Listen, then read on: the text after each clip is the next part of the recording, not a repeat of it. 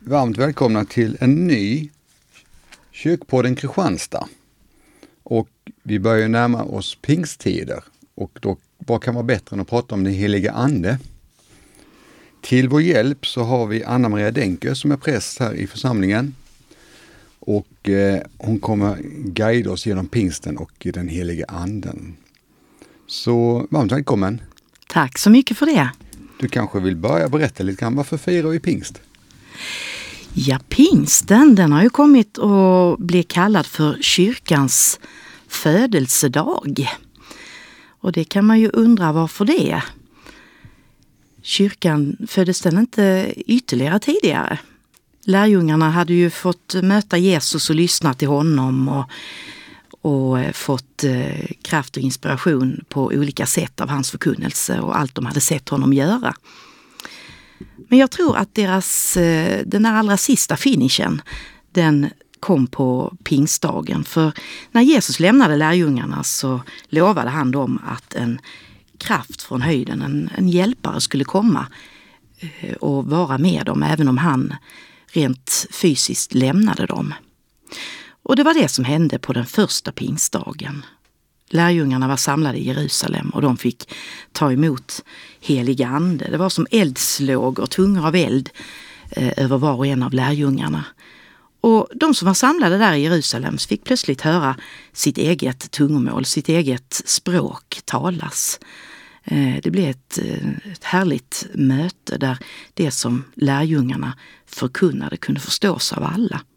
Så på något sätt så fick de liksom den allra, det allra sista redskapet med sig där för att kunna gå ut på sitt missionsuppdrag. Mm.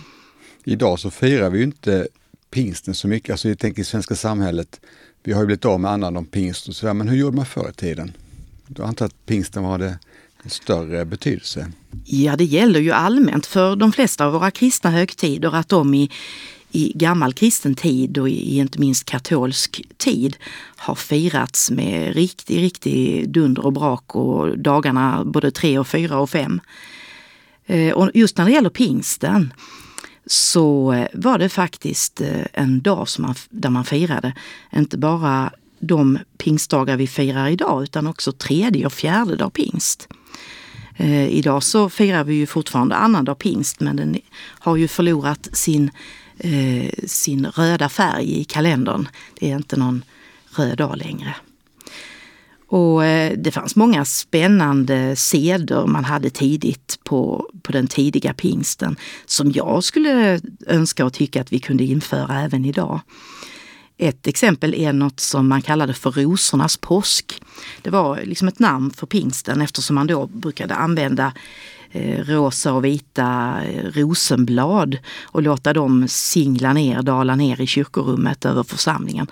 För att de skulle uppleva hur den heliga ande kom över dem och över de första lärjungarna. Så det är en sån här eh, härlig gammal tradition som inte är gammal nog för att vi, vi skulle, inte skulle kunna ta upp den igen. Jag tror många förknippar pingsten med bröllop och dop och så. Men... Ja, det är inte utan. Eh, för eh, även där så, så var det här med, med äktenskap och vigsel ett viktigt inslag i, i pingstfirandet. Om vi går till de här gamla etnologiska spännande traditionerna och historien så brukade man göra någonting som hette att klä pingstbrud eller blomsterbrud. Man firade låtsasbröllop och så var det en flicka som kläddes till brud och fördes runt i, i gårdarna och och folk förväntades ge gåvor. Ja, det var en form av förklätt tiggeri det här förstås. Men alltihopa utmynnade i alla fall i en vild fest där det dracks ganska så friskt. Kanske så mycket så att man till och med började halvtala i tungor. Eh, skämt åsido. Eh, vigseln som sagt har varit en del av det tidiga pingstfirandet och det har väl gjort att många har förlagt och så bokat in sin vigsel i, i pingsttid. Så är det ännu idag kanske inte riktigt lika vanligt som för, för eh, någon generation sedan. Men dopen, dopet nämnde du också. Mm.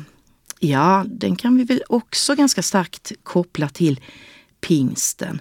Jag tänker på Jesu dop när han eh, döptes av Johannes döparen i floden Jordan och en, eh, en duva kom flygande. Det var liksom den helige Andes duva på himlen och, och, Guds röst hördes från himlen. Detta är min älskade son och så vidare. Ehm, och den här duvan, Andens duva, eh, har ju också kommit att bli en symbol för, för, för pingst och den heliga Ande. Den heliga anden finns ju på fler ställen också. Ja. Jag tänker, vi läser om Andens gåvor i Korintierbrevet. Är det samma heliga Ande? Ja, det är du givetvis. Men... Ja, eh, nu kommer vi in på det som du säger, Andens gåvor. Eh, det finns jättemycket att säga om det här egentligen. Det mm. finns ju både andens gåvor och andens frukter och eh, mycket man skulle egentligen behöva reda ut i Livs, detta. Livsanden och andedräkt. Ja, absolut. Eh, men om jag börjar med det här med, med, med andens frukter så är det någonting som på något sätt kan börja växa i oss när vi har eh, börjat slå följe med Jesus och börjat lära känna honom och vill ha honom som vår eh, förebild och som vår räddare, vår frälsare. Och då kan de här frukterna springa fram och växa inom oss. Och det är saker som jag tror de flesta av oss eh, längtar efter i sitt liv. Det är kärlek, det är glädje och frid, tålamod, vänlighet, godhet, trohet, ödmjukhet och självbehärskning. Och eh, när jag sammanviger par eh, i kyrkan, då brukar jag utgå mycket från de här andens frukter där kärleken är på något sätt eh, centrum i deras äktenskapsblomma. Eh, det som allting utgår ifrån. Eh, men sen de olika kronbladen på blomman är är resten av andens frukter, som sagt glädje och frid och tålamod och så vidare. Allt det här som vi får, får be om, som vi får ta emot som gåvor från Gud och som vi får fortsätta att eh, odla och vårda i relationen till Gud och till varandra. Både i äktenskapet och i, i vänskapsrelationer och så vidare. Varför, tror du, varför, varför pratar vi inte så mycket om våra gåvor? Är det, är det gamla Jante? Eller vad är dina gåvor? Andy? eh, nej, det kanske vi behöver bli bättre på. Eh, jag försöker som sagt slå ett litet eh, slag för detta genom att, att ta upp det i, i vigseln. Jag brukar ge de nygifta en eh, enkel teckning i form av en vigselblomma med, med bild av andens olika frukter och uppmanar dem att sätta den på kylskåpet och titta på den varje dag. Eh, men det är någonting som vi skulle behöva allihopa, kanske en sån här teckning på, på kylskåpet. Och, och fundera över vilka är mina speciella frukter eller gåvor i mitt liv. Eh, och acceptera att en del av de där frukterna och gåvorna är kanske inte främst våra. Vi kompletterar ju varandra, vi eh, kristna bröder och systrar. Mm, det är väl skönt det. Det är skönt det tvingas vara bäst på allt. Vad jobbigt det hade varit. Ja, ja det är härligt. Att vi faktiskt får använda, vi har olika gåvor och vi får använda varandras gåvor. Mm. Och det gör ju att vi då är, är kallade till olika funktioner, alltså olika eh, vi har olika roller i den här kroppen som är Kristi kropp som är kyrkan. En del är kallade att vara lärare, andra apostlar eller medhjälpare eller ledare eller evangelister eller vad det kan vara för någonting. Allting är viktigt. Mm. Vi hade duvan som symbol. Finns duvan, på, duvan finns ju på många ställen i, i Bibeln. Ja, vi nämnde duvan vid Jesu dop. Ja. Uh, nu får du nästan hjälpa mig. Jag tänker att den finns ju också i berättelsen om Noa. Ja, just det. Redan i Gamla Testamentet. Ja. Absolut, och där tänker jag att uh, duvan får bli symbolen för, för uh, hoppet, hoppet om liv. Uh, olivkvisten som duvan kommer tillbaka med till arken sen den blev utsänd.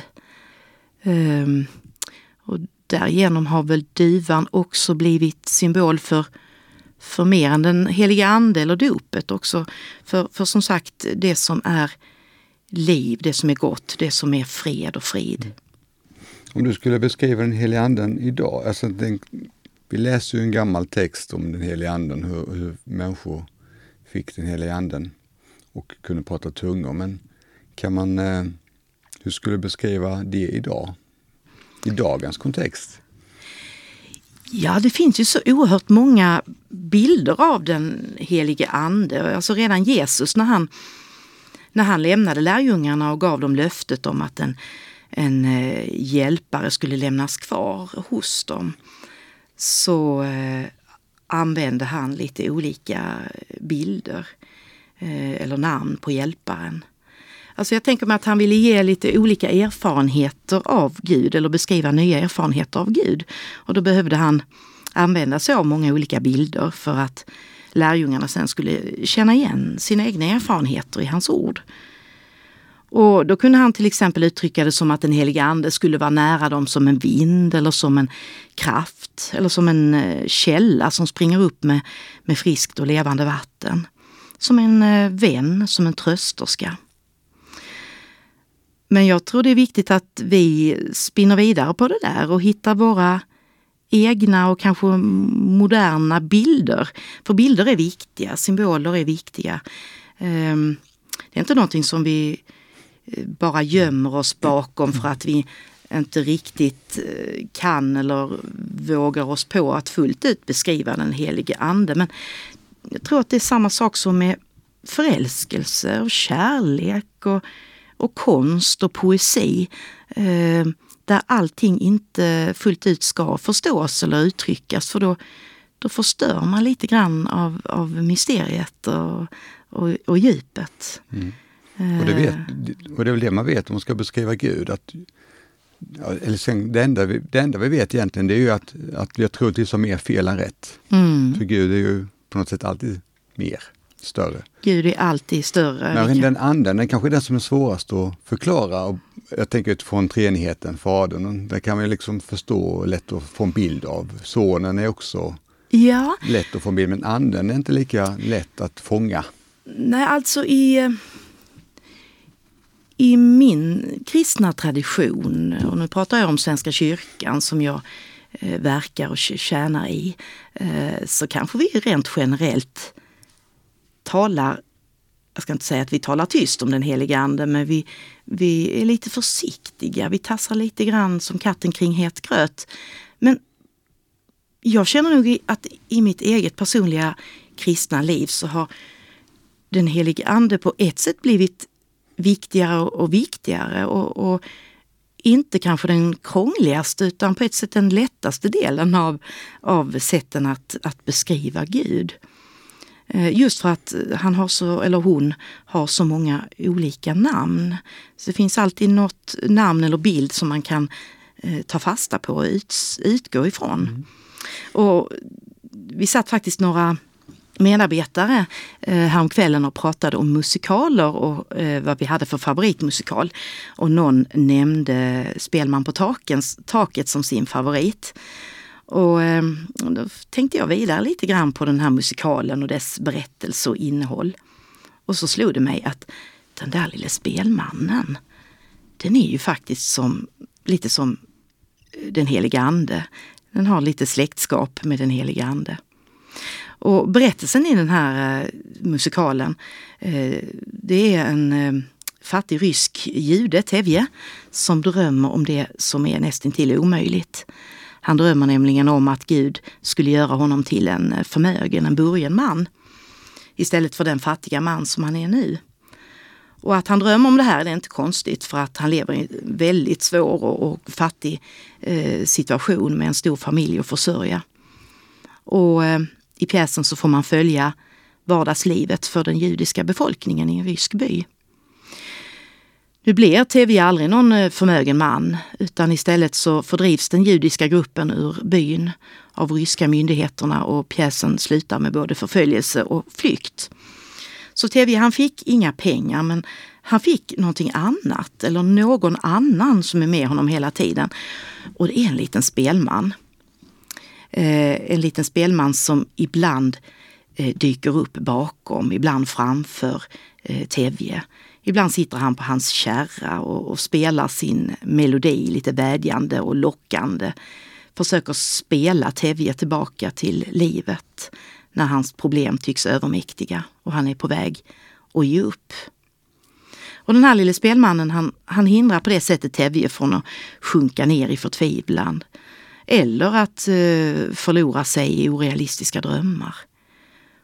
Och sakta men säkert så får Tevje hjälp att hitta tillbaka till sin egen melodi, till sin tillit, till sin förtröstan och att också hitta tillbaka till det som är hans här och nu, hans vardag, hans knog och, och vardagskamp. Det är ju trots allt det som livet till största delen eh, består av för oss alla. Så också för Tevje. Och eh, ja, livet är ju en balansgång. Den här lille spelmannen på taket, han går ofta balansgång med sin fiol. Och eh, jag tror att den där spelmannen är, är släkt med, med pingsthelgens hjälpare. Precis som all musik som är född ur, ur mänsklig erfarenhet. All konst. Så musiken är också en symbol för den heliga anden? Ja, för mig är det det. Och det tror jag det är för många. För många musiker, ja. eller många andra också. Mm. Ja, när den kommer riktigt ut ur, ur eh, djupen så, så kan den bli en, en djupglädje. Mm. En verklig hjälperska och trösterska. Musik finns ju också i Bibeln. Är det inte Miriam som efter när man korsat Röda havet sjunger och dansar av glädje? En lovsång till Gud på något ja. sätt. Ja, märkligt att du nämner den för den har jag lyssnat väldigt mycket alltså. på den sista tiden. Ja. Nej, det är viktigt att hitta sina egna inspirationskällor och bilder för den helige Ande. Och jag skulle vilja, ja, om jag får, spela en liten låt ur Spelman Eh, på taket. Det tycker jag låter väldigt passande faktiskt. Ja, men då gör jag och det. Och kanske också man kan känna igen. Eh, om, även om man inte sett musikal så kanske man har hört den, den här melodin. Det tror jag de flesta har gjort. Och så skulle jag vilja skicka med Herrens välsignelse. Låt Jesus andas på dig, ta emot och var fri. Bra. Eh, vi låter eh, Anna-Maria Denker spela, är det ledmotivet från musikalen En spelman på taket? Om jag hade pengar. Om jag hade pengar. Och eh, med det så avslutar vi den här och jag tackar dig Anna-Maria för att eh, vi har haft det här samtalet om eh, pingsten och den helige anden. Tack ska så du ha själv. Nu ska vi få lyssna på en spelman från taket.